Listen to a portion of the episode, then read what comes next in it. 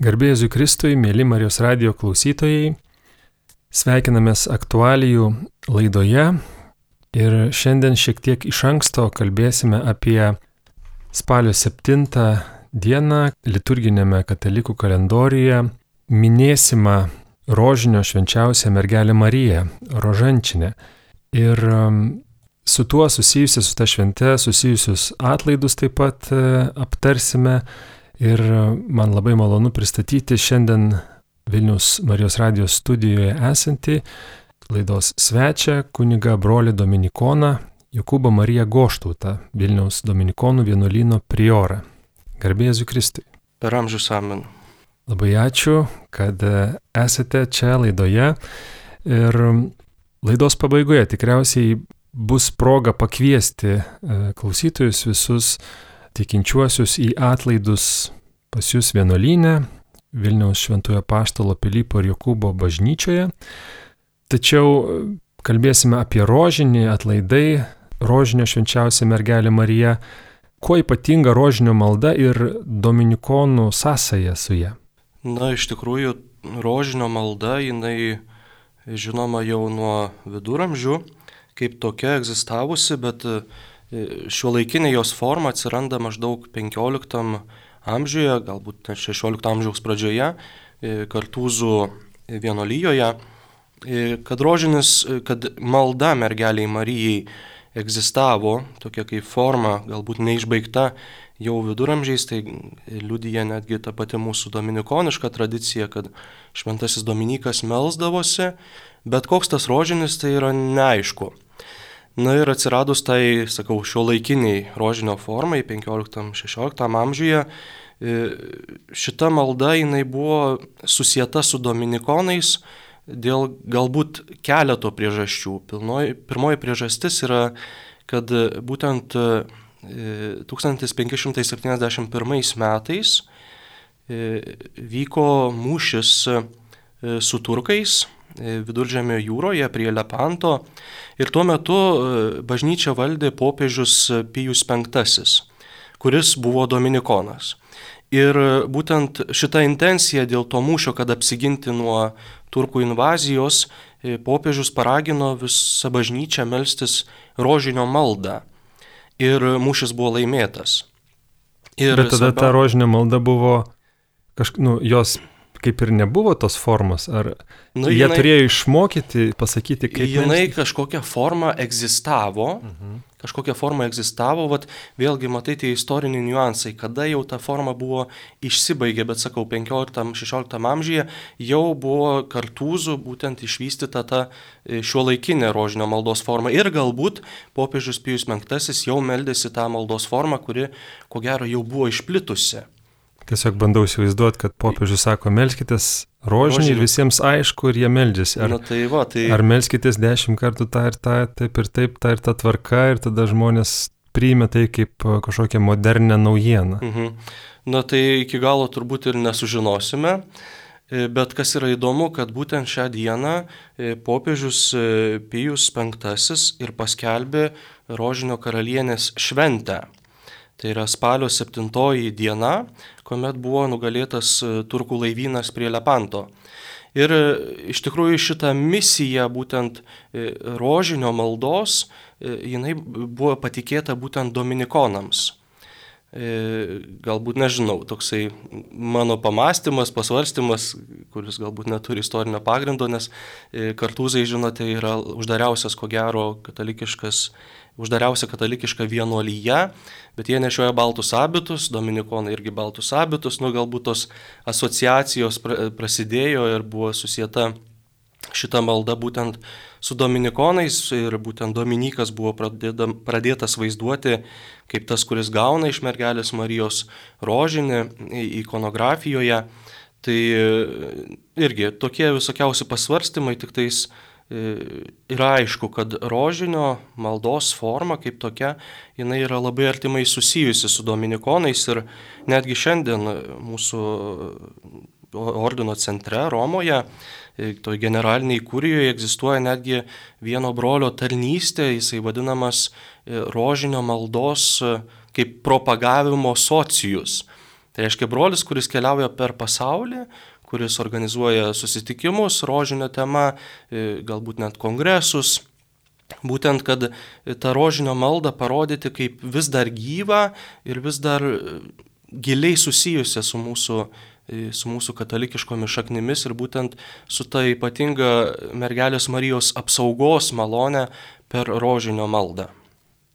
O tame minėtame Lepanto mūšyje 1571 metais, kaip, kaip rožinis padėjo, kaip, kaip ten buvo, kad būtent rožinis pasidarė toks svarbus tam po to mūšio, koks ten stebuklas ar kaip ten tie įvykiai klostėsi. Tai va būtent, kad besimeldžiant e, rožinio maldą, e, popiežius išvydo viziją, kad mūšis laimėtas, kad turkai traukėsi. Ir būtent e, jisai ir susijėjo būtent šitą rožinio maldą, kad mergelė Marija apsaugojo Europą nuo turkų, būtent dėl to, kad visa bažnyčia meldėsi šitą maldą. Ir, kaip sakot, yra net tokia pareigybė e, dominikonų apie propagavimą. Kaip jums atrodo, rožinio malda tampa, nežinau, vis rečiau propaguojama, vis rečiau žmonės ją meldžiasi, ar atvirkščiai naujai atrandama, nes Man yra tekę girdėti vieno uh, Tiberiados brolio iš, iš Prancūzijos ar Belgijos dalymasi, kad jaunimui dažnai šita malda pasirodo moderni, ta prasme, kurie jos ne, negirdėjo, nematė, nebuvo susidūrę. Pas mus atrodo gal tokia jau kaip ir tampa atgyvena jaunimo kimi žiūrint arba kažkas tokio labai um, močiutiško, uh, na, stereotipų įvairių tokių yra.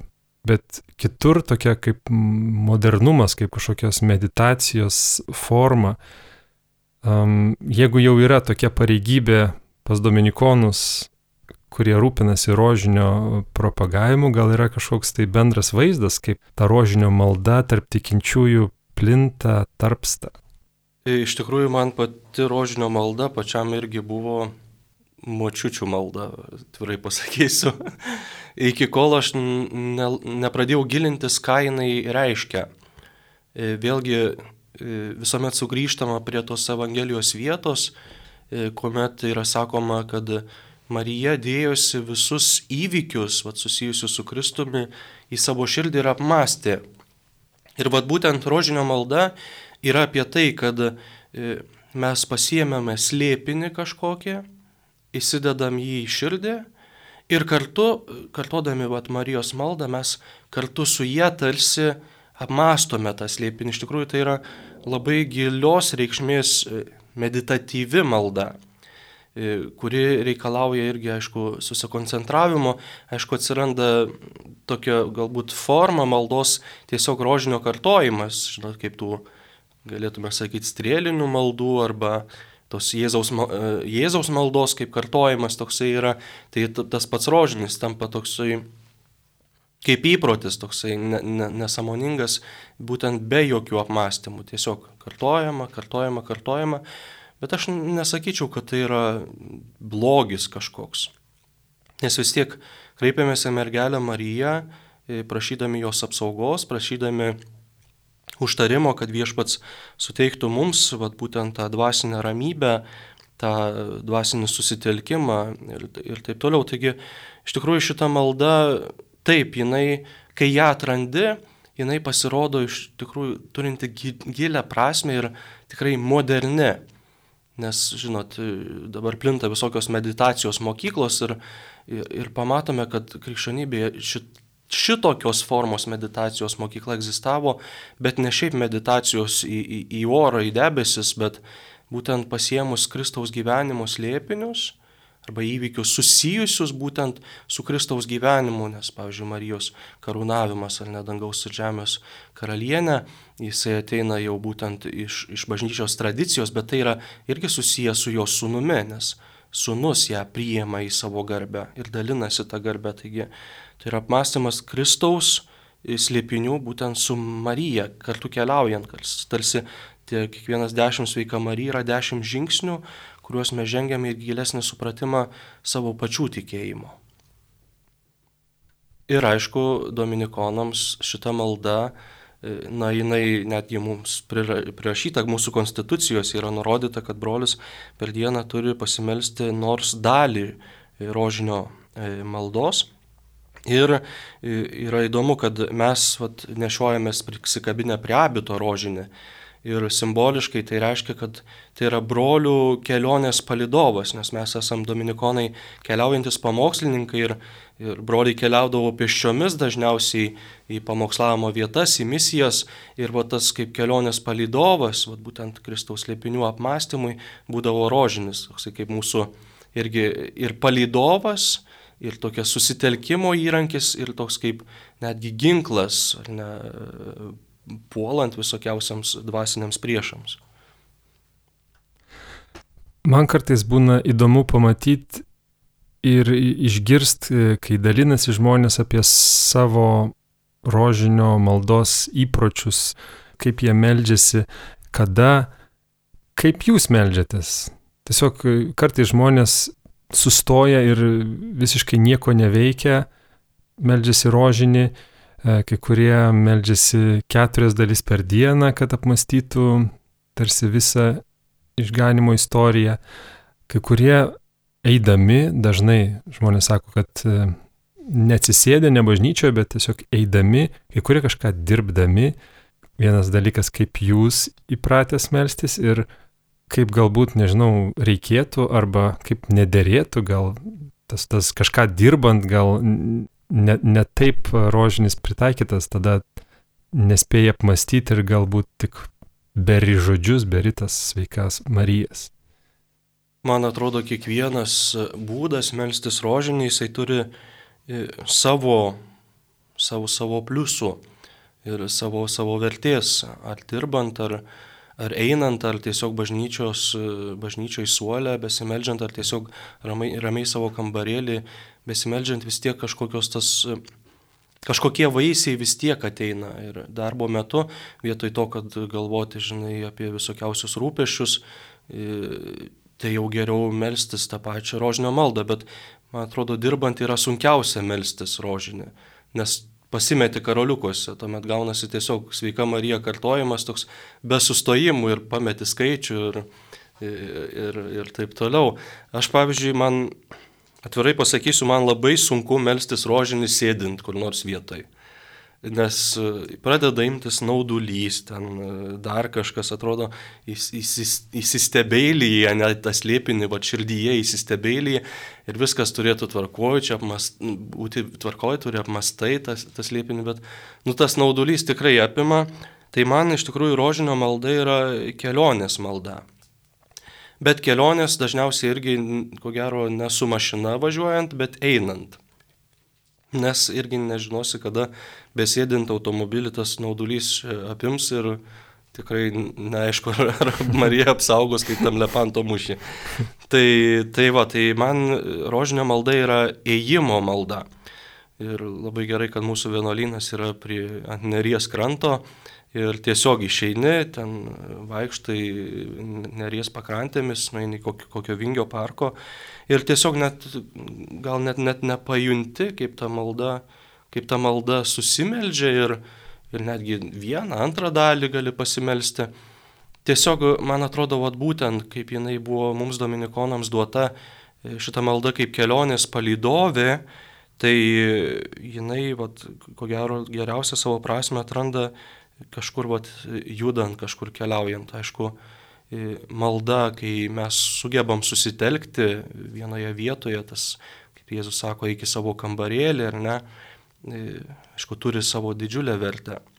Bet ko gero tai irgi priklauso nuo kiekvieno, kuris, kuris meldžiasi. Atlaidai, kuriuos laidos pradžioje paminėjau, vyksantis Vilnius Šventojo Paštalų Pilypo ir Jokūbo vienuolynė bažnyčioje e, vadinasi Lūkiškių Dievo motinos. Rožinio atlaidai. Lūkiškių Dievo motinos rožinio atlaidai, taip. Taigi apie rožinį e, šiek tiek jau pakalbėjome. E, kas yra Lūkiškių Dievo motina? E, tai, tai yra Marijos atvaizdas.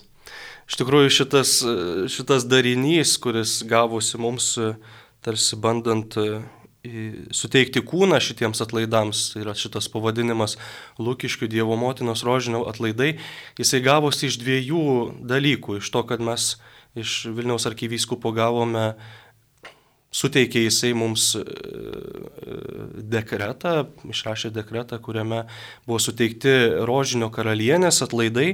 Ir būtent tas faktas, kad mūsų bažnyčioje yra Dievo motinos atvaizdas, kuris iš esmės neturi nieko bendra su rožiniu. Ten nepamatysit tam atvaizde e, Marijos su rožiniu arba įteikiant šito rožinio šventajam Dominikui. E, bet e, vat, būtent, kad šita šventė susijusi su Dominikonais, būtent rožinio karalienės šventė ir tai, kad mūsų bažnyčioje yra Lūkiškių Dievo motinos atvaizdas, na, vat, mums leido tarsi šitas dvi šventės sujungti ir padaryti Vat būtent tą, tuos atlaidus skirtus, e, atrodo, per Lūkiškių Dievo motiną, e, būtent kaip įgaunant formą rožinio karalienės. E, iš tikrųjų, pats atvaizdas Lūkiškių Dievo motinos, jisai ko gero egzistuoja seniau negu pat, pati ta, kaip sakiau, moderni rožinio maldos forma. Šitas atvaizdas iš tikrųjų yra seniausias Marijos atvaizdas Lietuvoje. Tai yra 15 amžiaus pabaigos, 16 amžiaus pradžios e, bizantinio stiliaus ikona, dar kiti vadina slaviško stiliaus ikona, e, kuri atkeliavo pas mus 1684 e, metais į mūsų bažnyčią, į Lūkiškės iš Seinų Dominikonų vienolyno Ten jie broliai buvo gavę Seinuose taip pat šitą atvaizdą kaip dovaną. Bet e, kodėl Seinų Dominikonai padovanojo mums šitą paveikslą, tai irgi toksai, galėtume sakyti, kuriozinis atvejis, dėl to, kad Seinuose jau egzistavo Marijos atvaizdas, tai yra skulptūra tokia labai įdomi, iš medžio pagaminta, e, kur Marija vaizduojama nieščia Ir iš tikrųjų tas, nu, tas jos pilvas prasiveria, tokios durelės, ir ten pamatai švenčiausios trejybės e, atvaizdą. Marija nešiojasi Dievo slėpinį savyje. Ir šitas atvaizdas einuose jisai jau buvo žinomas ir garsus malonėmis. Na ir tiesiog, ko gero, broliai pagalvojo, gavom čia dar vieną ikoną, kuri vėl pradėjo garsėti malonėmis, tai mes ją padovanokim naujam mūsų brolių vienuolynui, nes tuomet e, buvo pastatytas, e, statomas naujas mūsų vienolynas Lukiškėse ir jis atkeliavo pas mus. Ir iš tikrųjų pradėjo labai greitai, vėlgi jisai garsėti malonėmis, e, buvo net pradėtas pildyti e, sąrašas, tokia knyga, kuri buvo pavadinta malonių šaltinis arba malonių versmė, kur buvo rašomi stebuklai, įvykę būtent žmonėms melžiantis Marijos užtarimo prie šitos ikonos. Taigi, e, vėlgi toksai ne, įdomus istorinis dalykas, kaip ikona atkeliavo pas mus. Aišku, dažniausiai žmonės, kurie užduoda klausimą, kodėl čia mums reikia melstis į kažkokią atvaizdą ar, ar paveikslą. Tai vėlgi ikonos kaip tokios arba paveikslai, tai atvaizdai, jie nėra patys iš savęs kažkuo maloniu pilni labai e, gražiai e, kartą apibūdino būtent pamaldumą e, šventiesiems per ikonas, toksai ortodoksų, graikų ortodoksų vyskupas, teologas, gyvenęs pats kilęs iš Didžiosios Britanijos, gyvenęs Didžiojoje Britanijoje, Kalistos Var, jisai teigia, kad ikona, jinai iš tikrųjų yra ne, pat, ne pats šventasis, ne pats Dievas, bet tai yra iš tikrųjų tarsi langas, į susitikimą su, su tais, kurie gyvena jau dangaus karalystėje, su šventaisiais. Ir kartais tie šventieji pasirenka kai kurios langus, kurie tarsi yra jiems labiau malonesni, kad bendrauti su savo e, su, su tikinčiaisiais. Taigi, vat, būtent tie malonėmis garsus atvaizdai, kuriuos mes turime irgi Vilniuje ne vieną, ir, ir būtent aušros vartų, Dievo motinos ir gailestingumo šventovėje esantį paveikslą, ir pas mus dabar Lūkiškių Dievo motinos, kuris vat, yra, kaip sakau, vienas seniausias Marijos atvaizdas Lietuvoje, jisai vat, vėlgi kaip yra galimybė malonėmis garsus atvaizdas, kaip langas, va, tai susitikimas su, su mergelė Marija, prašant jos malonių. Tikrai daugelis e, žino ošos vartų, Dievo motinos atvaizdą, Šiluvos, Trakų atvaizdus. Lūkiškių Dievo motina, ikona šita, kaip sakot, yra seniausia. Šito nežinojau. Ir kaip čia pasakyti, žmonės randa pamaldumą ir, ir gerbę atvaizdą, nu su kažkokiu tai krūviu. Istorinis krūvis jau yra taip pat e, malonėmis, jisai sakė, garsėjo. Kaip dabar um, aplink aušos vartų atvaizdą matom gausybę votų, iš kurių ten jau, kurie netelpa ir iš kurių ten jau lėdinama ir, ir kaldinama kiti dalykai. Kaip Lūkiškų Dievo motinos ikona, ji yra, ji buvo, gali būti maloninga, jeigu toks žodis tinkamas, ir tiesiog reikia tai propaguoti, ar, ar tai kažkaip naujai reikia atrasti, kokia situacija. Iš tikrųjų, kas yra galbūt vėlgi toksai malonės ženklas, kad žmonės patys atranda tą atvaizdą. Ne vienas liudijo, kad būtent staiga netikėtai atrado šitą atvaizdą Vilniui, bažnyčiai, kuri daugybę metų tiesiog buvo pradžioje daržovių sandėlis, paskui operos ir baleto teatro sandėlis. Įėjus atrado šitą atvaizdą, va tiesiog jisai lydi juos, lydi pats kaip atvaizdas, kaip, kaip vėlgi toksai, kaip pagava melstis, prašyti ar užtarimo, ar kažkokiu maloniu iš mergelės Marijos. Vat kas yra įdomu, ar ne, vėlgi tai susijęs su, su mumis, su mūsų vienolynu, kad šitas atvaizdas jisai buvo dingęs per sovietmetį ir paskui vėlgi per mūsų tėvelį vadinamą Joną Dominiką Grigaitį, kuris buvo likęs paskutinis dominikonas per visą sovietmetį iki nepriklausomybės atgavimo, jisai susigražino šitą paveikslą ir galiausiai jį restauravus 2008-2012 metais, kai jisai buvo gražintas į bažnyčią, vat, į, į tą altorių, kuri, kuriame jisai dabar yra pakabintas. O kuris buvo dingęs?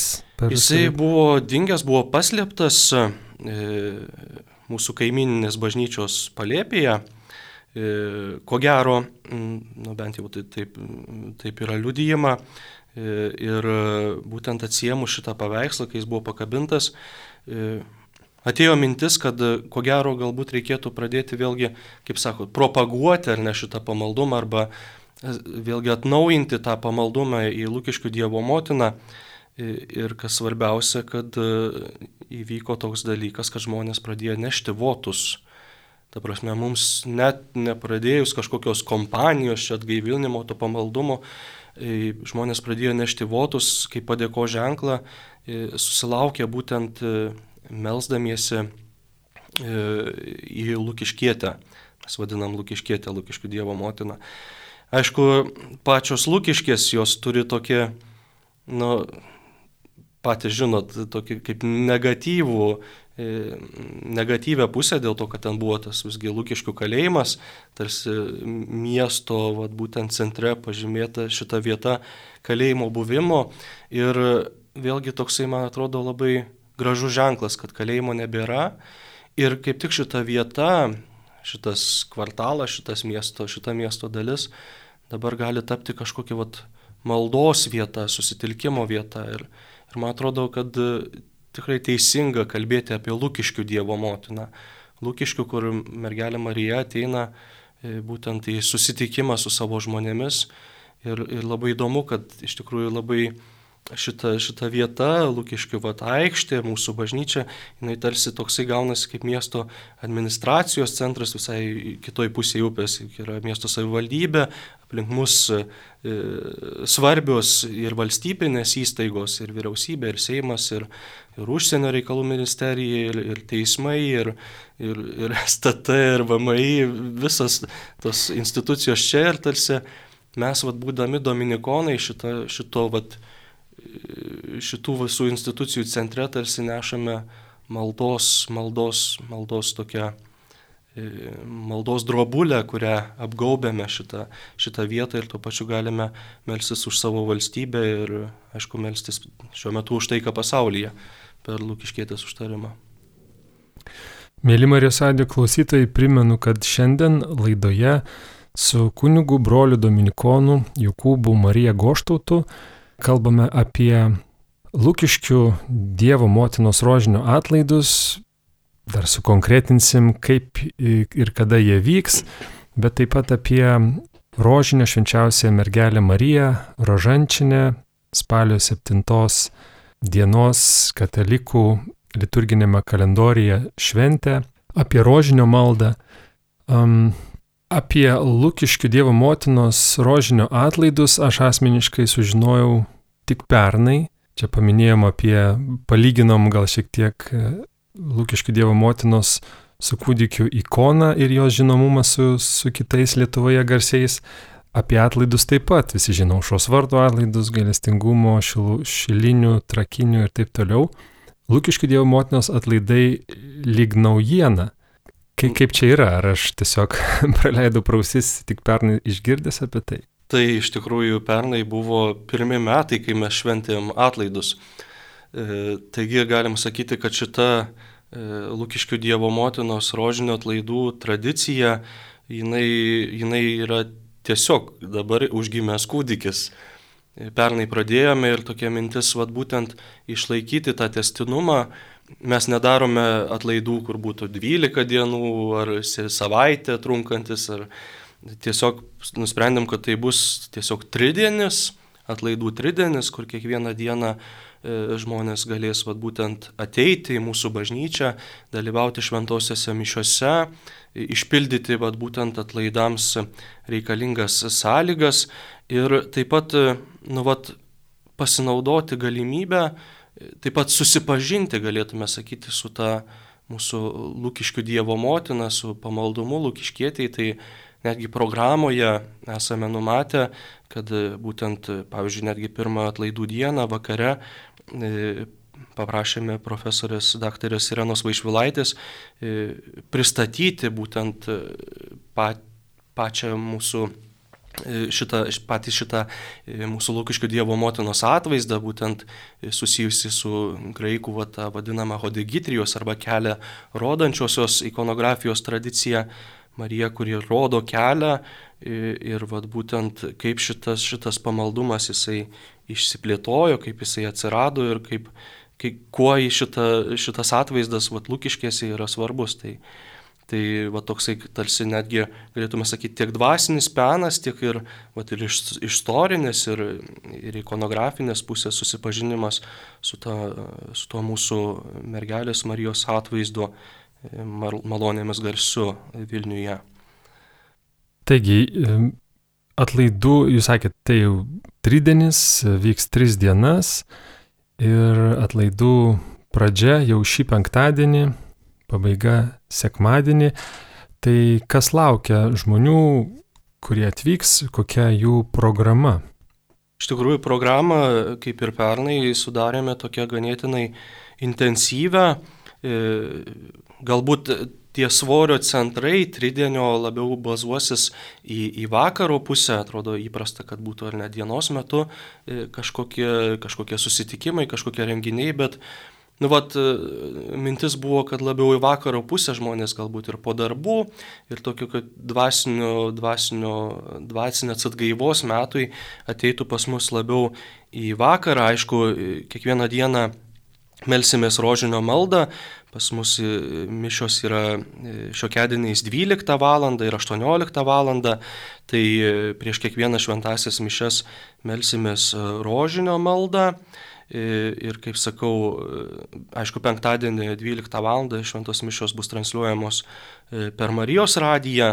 Tai kas e, klausotės arba norite įsijungti būtent į šitos atlaidus, e, kviečiu dalyvauti šventosiuose mišiuose transliuojamuose 12 val. penktadienį, spalio 6 dieną per Marijos radiją. Ir kaip sakau, tie svorio centrai, vat, jie nusikels labiau į vakarą, 18 val.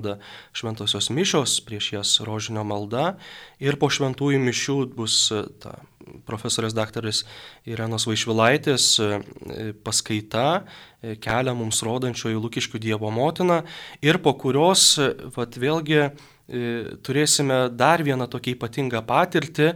19 val. 30 min. bus gėdamas mūsų bažnyčioje akatistas švenčiausiai mergeliai Marijai. Tai yra vėlgi maldos forma ateinanti iš graikiškos tradicijos, e, išversta į lietuvių kalbą ir tokia kaip liturgija irgi akatisto gėdojimas mūsų bažnyčioje. E, aišku, vėlgi žmonės tokie būna nusiteikę galbūt galbūt iš nežinojimo e, prieš ar ne, kad ateina kažkokios iš graikiškos ortodoksų stačiatikių tradicijos. Nes čia ne mūsų. Reikia nepamiršti, kad ikonografijos tradicija egzistavo jau pirmam tūkstantmetį, didžioji dalis maldos formų atsirado taip pat pirmam tūkstantmetį, schizma įvyko 1500, 1054 metais. Taigi Tai yra ir mūsų tradicija, tai yra bendra mūsų tradicija ir tai, kad mes tarsi sugrįžtame į tuos senuosius bažnyčios laikus, netgi prisimindami tas maldos formas, atgaivindami jas mūsų bažnyčiai, tai yra praturtinimas, kaip sako Jonas Paulius II, tai yra kvėpavimas dviem bažnyčios plaučiais. Tai tiek. Spalio 7 dieną, šeštadienį, vėlgi mišios 12 val. ir 18 val. prieš šventasis mišios melsimės rožinio maldą Ir būtent šitą šeštadienį 20 val. vėlgi, kaip sakau, svorio centras nusikėlė į vakarą, 20 val. vyks Švento apaštalo Jokūbo festivalio koncertas, koncertuos choras Tibi Dominė iš Lenkijos atvykęs ir koncerto kaip tema yra fragmentai, tai vėlgi toksai kaip koncertas dvasinės atgaivos metas pasiklausyti chorinės muzikos tą vakarą. Na ir spalio, diena, spalio 8, atsiprašau, diena, e, mes ją padarėme kaip pagrindinę atlaidų dieną, tai yra sekmadienis, e, mišios kaip mūsų bažnyčioje kaip įprasta sekmadienio tvarka 9 val. 11 val. 16 val. lenkų kalba ir 18 val. vėlgi lietuvių kalba. Tai prieš kiekvienas šventasis mišes vėlgi melsimės rožinio maldą ir pagrindinės atlaidų mišios, vat vėlgi į ką atkreipti dėmesį, vyks ne sumos metu ne 11 val. bet 18 val. Kviečiame visus dalyvauti, šventoms mišioms vadovaus e, Vilniaus arkiviskupijos e, vyskupas auxiliaras e, Darius Trijonis kuris vat, ir auko šventasias mišes, sakys pamokslą. Ir po šventųjų mišių 19 val. vyks koncertas, e, dviejų smūkų koncertas, koncertuos e, smūkininkės Rasa Vosiliūtė ir Barbora Domarkaitė ir koncerto pavadinimas Vainikėlis palaimintosioms. Tai labiau barokinės muzikos vėlgi e, koncertas, sakant, užbaigti atlaidams, vėlgi tokioj vėlgi ir, ir kultūriškai, ir dvasiškai tokiai e, atgaivos, atgaivos metu, momentu. Taigi visus labai kviečiame dalyvauti šiuose atlaiduose, antruose atlaiduose, antri metai, kaip mes juos darome. Ir, ir pirmi metai parodė, kad tikrai e, žmonėms reikia, jie ateina ir, ir pas, ateina žmonės, kurių galbūt net nematome mūsų bažnyčioje ir būtent tam, kad e, susitikti su mergelė Marija Lūkiškėse ir galbūt išmelsti kažkokių malonių savo, savo artimiesiems. Taigi spalio 6-8 dienomis Lūkiškių Dievo motinos rožinio atlaidai Vilniaus Šventųjų paštalų Pilypo ir Jokūbo Dominikonų bažnyčioje, kur žmonės gali visą tai, visą tą programą susirasti, tiesiog planuodami savo atvykimą laiką, kur, kur ieškoti informacijos. Tai pirmiausia, vis, ko gero daugelis naudojasi socialiniais tinklais, tai mūsų e, Facebook'o puslapį Vilniaus Dominikonai e, ir taip pat e, elektroniniam e, puslapį, mūsų e, internetiniam puslapį dominikonai.lt. Ten yra visa programa, e, smulkiai aprašyta su visais laikais, programos visais elementais, kurį, kurių, kurių labiausiai reikia. Tiesiog suvedat į Google dominikonai.lt, atsivers puslapis ir ten matysit visą programą. Taip, ir na, atlaidai yra kaip viena vertus ir šventė, bet yra gaunami atlaidai. Atvykę žmonės gauna atlaidus.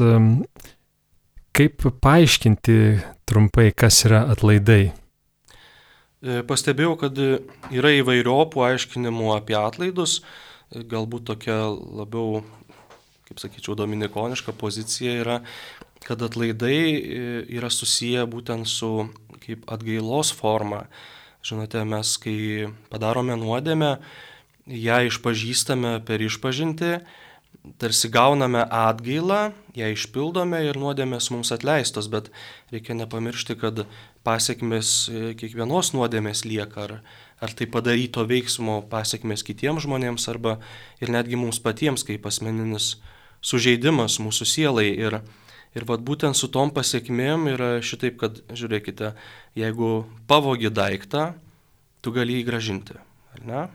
Bet vis tiek tavo ir, ir jau, jau santykis yra sugadintas, ne kas santykį atkuria. Vėlgi gali sakyti asmeninė kelionė, bendrystės patirtis ir taip toliau. Iš esmės visos pasiekmes mūsų nuodėmių jos yra atitaisomos paties Dievo. Tie dvasiniai sužeidimai padaryti kitiems arba savo, jie gali mus lydėti netgi iki skaistyklos, ta prasme, kur bus tų nutyrinamos tos, tos žaizdos padarytos mūsų nuodėmių. Bet Dievas mums gyvenant šitoje žemėje E, jisai, jisai tarsi tas pasiekmes pats bando, e, pats, pats dildo ar ne, pats gydo ir taip toliau. Ir būtent atlaidai yra, kaip sako, atlaidus gali pelnyti savo arba mirosiesiems. Kitam gyvajam negali pelnyti, nes tai yra tavo paties reikalas, o mirusieji, taip sakant, už save melstis negali.